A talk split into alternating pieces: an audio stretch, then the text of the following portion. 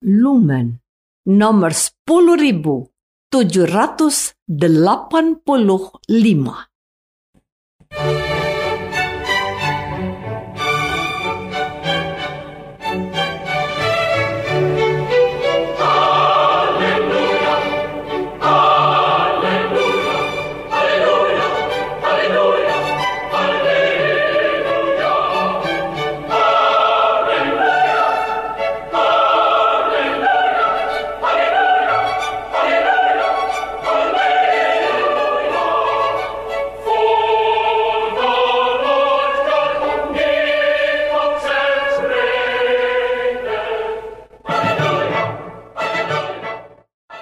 Saudara pendengar di segenap penjuru tanah air, selamat bergabung dengan Lumen Indonesia. Lumen Indonesia siap melayani Anda setiap hari. Saudara terkasih, marilah kita bersatu dalam Tuhan kita Yesus Kristus yang tidak berubah dahulu, sekarang, dan selama-lamanya. Allah Sang Maha Rahim mengasihi dan menerima sebagaimana adanya kita Allah Bapa kita di surga senantiasa bersedia menolong, menghibur, dan meneguhkan kita dalam menghadapi segala permasalahan hidup sehari-hari.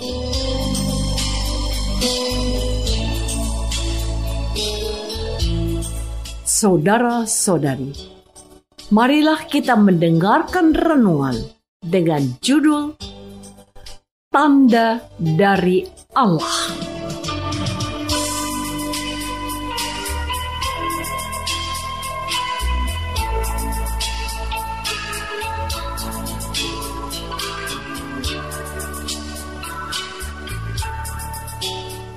Yang berdasarkan pada Injil Markus bab 8 ayat 12.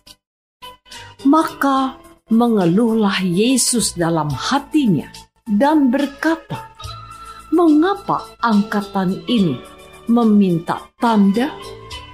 Aku berkata kepadamu, sesungguhnya kepada angkatan ini sekali-kali tidak akan diberi Dalam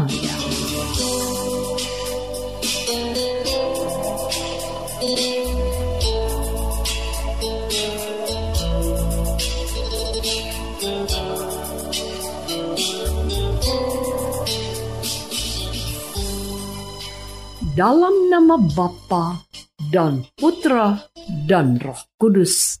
Amin. Saudara-saudari terkasih dalam nama Tuhan Yesus Kristus. Apakah yang dimaksud oleh Tuhan bahwa angkatan ini meminta tanda? Apa itu tanda? Dalam bahasa Yunani, semio, dan dalam bahasa Inggris, sign. Artinya, tanda sesungguhnya mau mengungkapkan maknanya. Mungkin kita pernah mendengar kata lain dari tanda dalam bahasa sehari-hari, semisal patok. Patok biasanya ditempatkan pada pinggir atau pojok dari wilayah yang menjadi milik seseorang. Patok memberi batas kepemilikan seperti tanah atau wilayah tertentu. Kata tanda juga bisa berarti rambu-rambu, semisal rambu lalu lintas yang diambangkannya. Lingkaran dengan huruf P besar artinya dilarang parkir. Maka dapat dikatakan bahwa tanda adalah kenyataan yang menunjukkan kenyataan lain. Tanda itu sekaligus menyatakan dan menyembunyikan fakta yang sebenarnya. Orang-orang Farisi meminta tanda kepada Yesus dan kepada angkatan ini sekali-kali tidak akan diberi tanda. Saudara-saudari terkasih, Tuhan Yesus mengatakan hal itu karena ketegaran hati bangsa ini. Tanda itu sesungguhnya sudah dapat mereka alami dan rasakan dalam mujizat-mujizat yang dikerjakan Yesus. Dalam Injil Yohanes, tanda dimaksudkan adalah mujizat-mujizat Yesus sendiri yang seharusnya mengundang orang untuk percaya kepada Yesus dan melihat kemuliaan Allah dalam diri Yesus. Orang-orang Yahudi, orang Farisi, dan ahli-ahli Taurat serta kaum Saduki dan Herodian tidak menangkap kehadiran Allah yang berkarya dalam mujizat-mujizat Tuhan Yesus. Yesuslah tanda dari Allah yang sudah datang ke tengah umatnya dan kelak juga akan datang lagi. Matius bab 24 ayat 30. Tanda apa lagi yang harus ditunjukkan oleh Tuhan Yesus? Yang menjadi jelaslah kalau Tuhan Yesus tidak akan memberikan tanda apa pun lagi kepada mereka. Sebab hati mereka sudah dibutakan oleh gengsi dan kepentingan-kepentingan pribadi mereka. Selama ini, mereka sudah merasa menjadi orang penting dalam struktur dan tatanan kehidupan sosial masyarakat Yahudi. Jadi, mereka ingin mengetahui apa hak Yesus untuk mengajar orang-orang yang selama ini mendengarkan wejangan dan arahan dari mereka. Maka mengeluhlah Yesus dalam hatinya dan berkata, "Mengapa angkatan ini meminta tanda? Aku berkata kepadamu, sesungguhnya kepada angkatan ini sekali-kali tidak akan diberi tanda. Tampak jelas bahwa orang-orang ini tidak dikenal oleh Tuhan Yesus, sikap dan perilakunya. Saudara-saudari terkasih, begitu banyak orang yang telah dibaptis dan menjadi percaya kepada Tuhan Yesus sebagai juru selamatnya. Namun, sikap dan perilaku mereka tidak lebih baik dari apa yang ditampilkan oleh orang-orang Yahudi ini. Mereka ini sering kali menuntut bukti dan tanda-tanda yang dapat mereka alami untuk tetap percaya kepada Tuhan Yesus. Beberapa di antara mereka tergerus imannya kalau merasa bahwa Tuhan tidak memberkati hidupnya karena kekurangan ini dan kekurangan itu. Mereka tidak bisa menerima keputusan Tuhan yang tidak sesuai dengan pikiran dan rancangan mereka. Tidak jarang orang-orang ini protes pada Tuhan dalam doanya dengan menghitung-hitung jasa-jasa mereka. Aku kurang apa Tuhan? Aku melayani dengan sungguh-sungguh di gerejamu. Aku berbagi rezeki dengan saudara-saudaraku yang berkekurangan. Aku memberikan paruh waktuku untuk aktivitas kegerejaan. Tetapi mengapa anak kesayanganku harus mengalami penderitaan yang lama dan menahun? Mengapa ini harus terjadi padaku, Tuhan? Mengapa engkau tidak menyembuhkan tuntutan orang beriman dewasa ini? Apakah mujizat Tuhan itu masih ada? Pertanyaan ini meragukan kemahakuasaan Tuhan. Mengapa kita tidak bertanya dan merenungkan mengapa aku masih bangun pagi ini?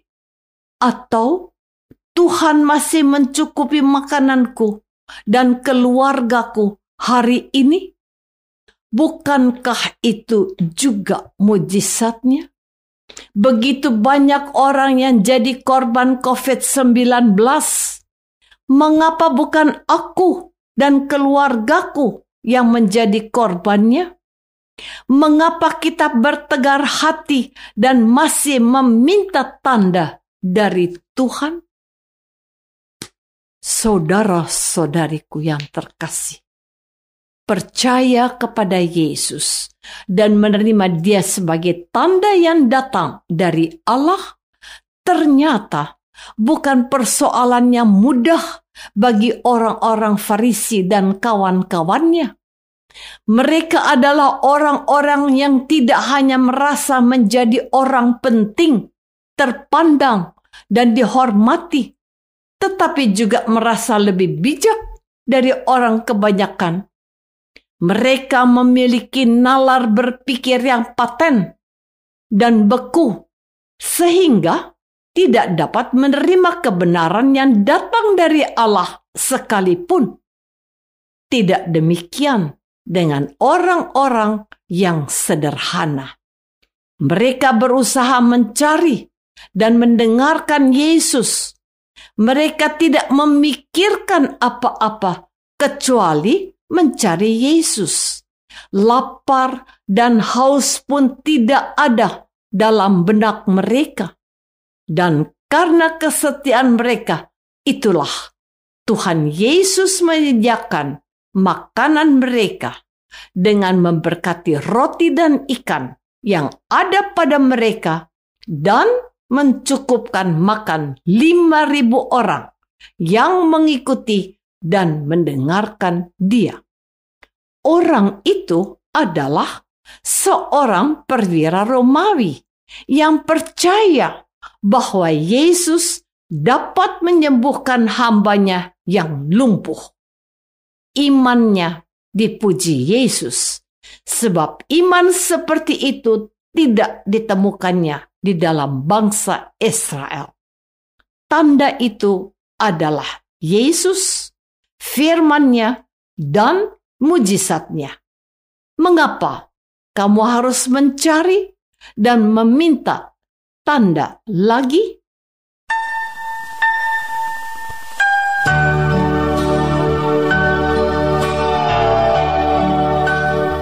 Saudara terkasih, marilah kita masuk dalam saat hening sejenak untuk meresapkan renungan yang baru saja kita dengar bersama dalam kehidupan iman kita masing-masing.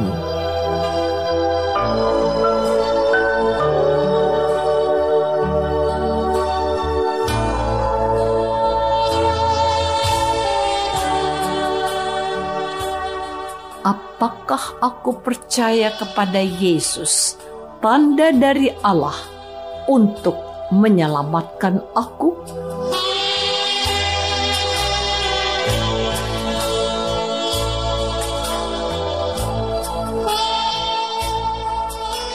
Marilah kita berdoa.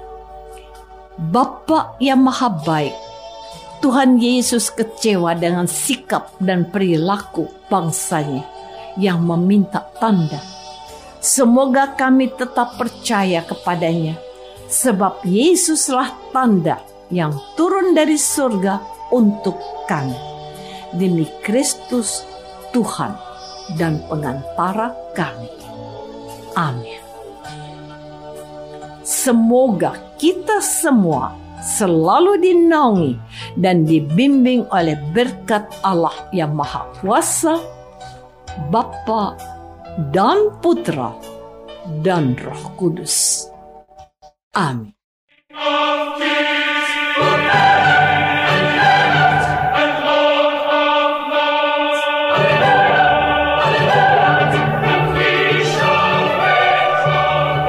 Dengan penuh kasih dan sukacita, Lumen Indonesia mengundang saudara-saudara seiman di segenap penjuru tanah air Sekiranya ada tanggapan ataupun saran, kirimkan surat Anda ke Lumen Indonesia. Terima kasih atas perhatian Anda. Sampai berjumpa lagi dengan Lumen Indonesia pada waktu dan gelombang yang sama esok hari.